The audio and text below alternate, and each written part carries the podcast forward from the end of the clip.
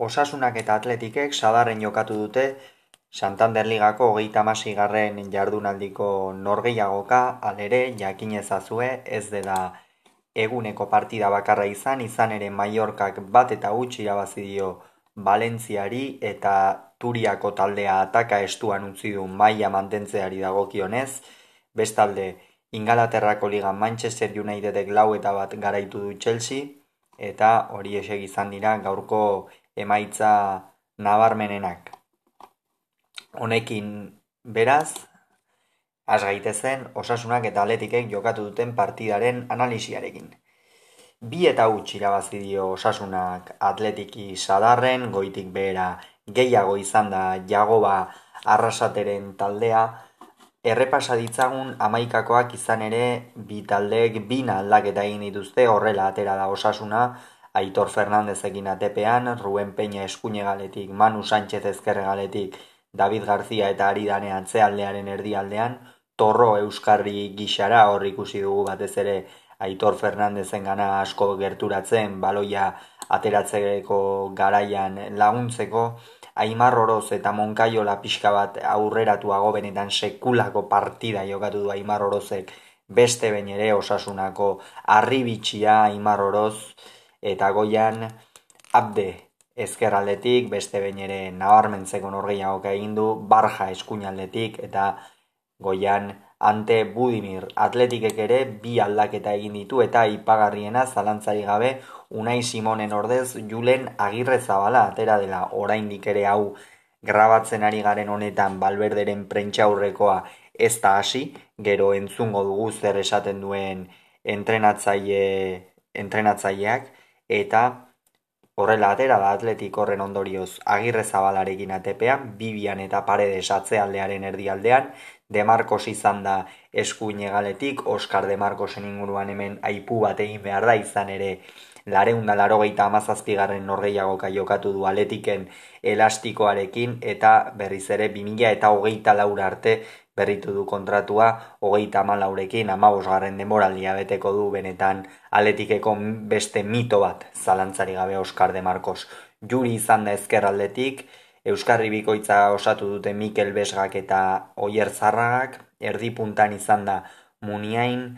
ezkerraldetik Alex Berenger, eskuinaldetik Nico Williams eta Goian Golaren arduradun Iñaki Williams izan da. Esan bezala hasiera hasieratik osasuna gehiago izan da batez ere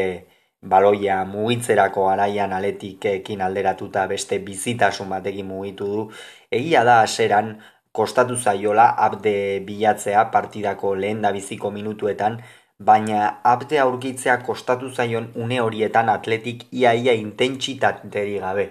ikusi du. Egia da lehen zatian, lehen zatiaren amaieran kasu honetan, aletikek izan duela lehen zatiko aukerari garbiena komatxo artean ez baita aukera nabarmen garbirikan izan lehen zati horretan, baina kontua kontu zerbait nabarmen duar balimada lehen zatia mm, pare bat jokaldi, esango genuke. Alde batetik Nico Williamsi alboko sarera joan zaion jokaldi hori, eta bestalde batetik berriz Iñaki Williamsek eta Ruben Peñak izan duten buruzburuko hori area barruan, Iñaki Williamsek eskua ere eskatu du Ruben Peñaren eskua, baina kontua kontu niri ere ez zaitiru ditu. Eskua izan dela gaur egun adierazten diren gaur egun ematen diren arauak kontuan hartuta ez zaitiru ditu behintzat eskuan ematen dionik, baina kontua kontu Iñaki Williamsek ala ikusi du epaileak ez ordea eta ez du penaltirik adierazi. Lehen zatian hori izan da nabarmentzekoena, baina nabarmentzekoena batez ere, abde aurkitzea kostatu zaiola osasunari. Asera, asera, aseran, partidaren oso aseran, lehenengo amagos minutuetan aletik ekia ia ez du intentsitaterik sartu, egia da atzealdean mantendu dela, osasunari etziola metro asko aurrera egiten uzte, baina ikusten zen osasuna beste green batekin atera dela zelaira, ez da irabazteko beste puntu horretik. Aletikek benetan esan behar da, etziru diela, etziru diela, Europan sartzera di joan, edo Europan sartzeko postuetan dagoen eta partida garrantzitsu bat jokatzen zuen talde bat. Benetan etzirudien hori talde bilbotarrak gaurkoan eta osasuna nabarmen eta osasunak ere asko zuen jokoan, izan ere pentsa gero esango dugu, baina garaipen honengatik Europa uste baino hurbilago daukate, iruindarrek, uste baino hurbilago, eta kontua kontu osasuna beste beste jarrera batekin, atera da zelaira, beste green batekin, irabazteko green horrekin, erasora, era bat erasora ez, zuhurtzia handiz, horregatikan torroren figura oso oso garrantzitsua izan da hor Euskarri horretan, batez ere David García eta Aridaneren tartean sartu eta baloia ateratzerako garaian gero Manu Sánchezek eta Ruben Peñak progresioak egin zitzaten eta erasokor joka zezaten eta alaxe egin dute. Bi egaleko jokalari hauek horretarako ateratzen ditu jagoba arrasatek, bai atzean defendatzeko baina baita urrean erasorako ere eta zalantzari gabe batez ere Manu Sánchezek eta Abdek eraman duten egal honetan arriskua emeretzi garen minututik aurrera hasi da, horra hasi da pixka bat abde geixeago parte hartzen ikuste jagobak ere ikusten zuela pixkanaka aletiken defentsaren estruktura edo egokitasuna jaisten ari zela eta horren ondorioz David García eta Aridaneri pixka bat eta baita torrori ere agindu dien baitean abde ere abde bilatzeko eta abdek demarkosen bizkarra bilatzeko. Hor abde gero hasia jokaldiak barruraka egiten eta abderen inguruan zer esan. Gaur ere atera da albistea. Manchester Unitedek berrogei milioi eskaini dituela jokalari marrokiaranen gatik nik uste horrek dena labur biltzen duela diferentziak markatzen dituen jokalaria da marrokiarra, zalantza izpiri gabe inungo zalantzarik gabe barruraka, bai abiaduran, gola dauka, dena dauka abdek oraindikan ere baditu gauza batzuk hobetzeko, erregulartasuna hartzeko eta bar, baina benetan proiektu ikeragarria da abderena eta urten nik uste iruñean asko gozatu dutela abderekin gaur ere joan denean txalotu egin dute. Kontua kontu, lehen zatia usna amaitu da, bi taldeek ez dute golaukera garbirik izan, osasuna gehiago izan da, aletik emeretzi garen minututik aurrera pixka bat geixeago erasotu edo ozka geixeago egin du, baina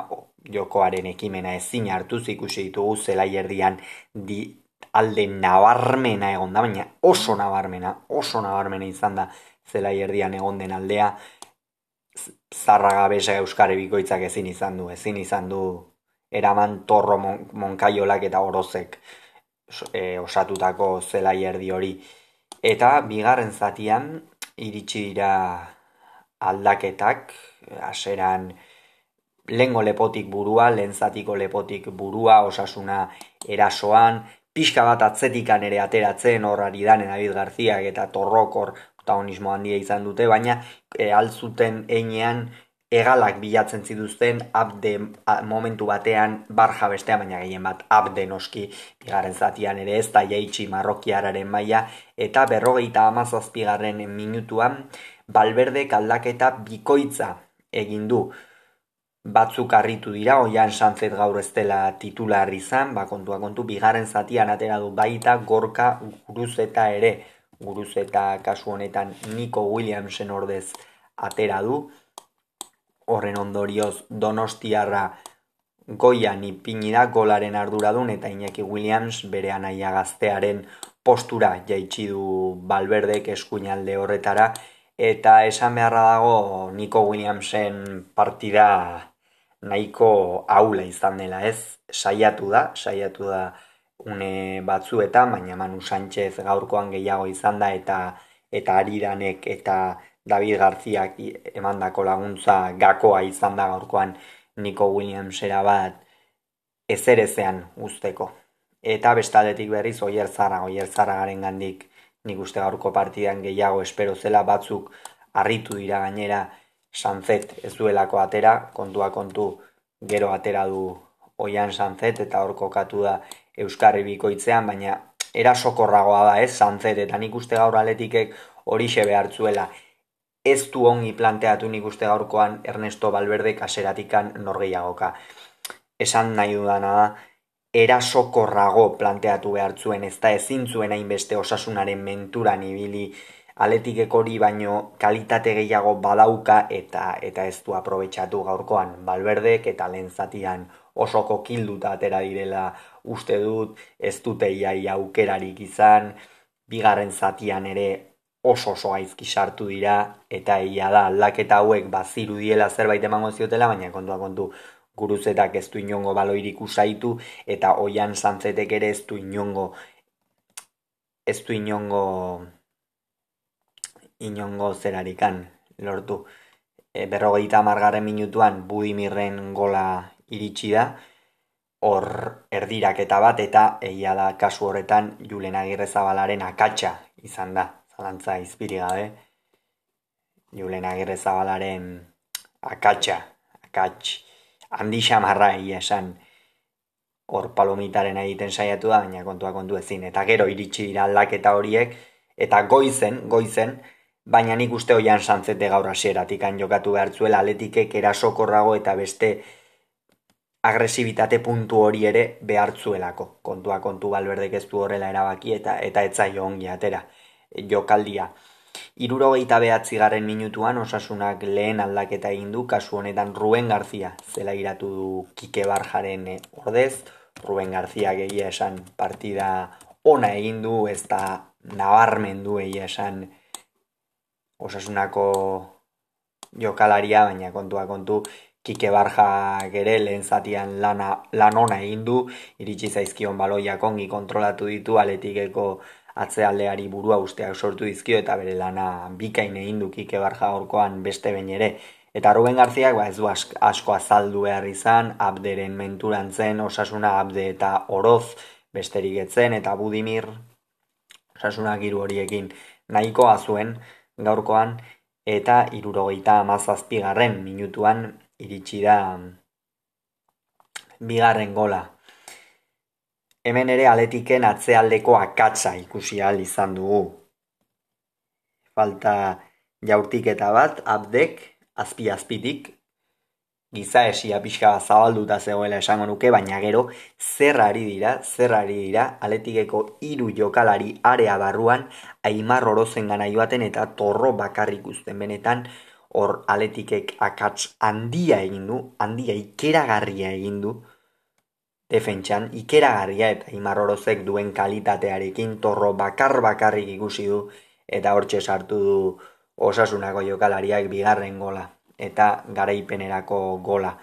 Gero Pablo Ibañez atera da, Monkaiolaren ordez, baina urrengo aldaketek ja ez dute zer esanik eman, Kike Garzia ere atera da Budimirren ordez, Aduares Muniainen ordez, Raul Garzia William, baina berandu, berandu egin ditu. Aldaketa hauek denak Ernesto Balberdek egia esan gaur dena nahastuta atera zaio, nahastuta. Ernesto Balberderi hemen ikusten ditu ere estatistikak. Aletikek bost, sei jaurt, eh, bost jaurtik eta egin ditu, egia da bostak ate, atera aukera garbi bat ere izan du hor, baina orokorrean osasuna askoz ere gehiago izan da askoz ere gehiago, aletikek jarrera aldatu beharra dauka Europan sartu nahi baldin badu urrengo norgeiagoketan. Eta horixe, honen bestez nola geratzen dira bi talde hauek sailkapenean jardunaldi honen ostean osasuna zazpigarren konferenz postuetan eta bere esku dauka konferenz postu horiek mantentzea hau da urrengo bi partidak irabazten baldin baditu, ikusiko dugu noren kontra dituen, egia dau bi partida zail izango dituela hemen ezpaita partida errezik alde batetik Getafe izango du aurkari koliseumen asko jokatuko duen bordalasen Getafe eta bestaldetik berriz Girona izango du aurkari azken jardunaldian sadarren eta hor bai sadar ziuraskiez era bat bai ez dago festa bat izango dela.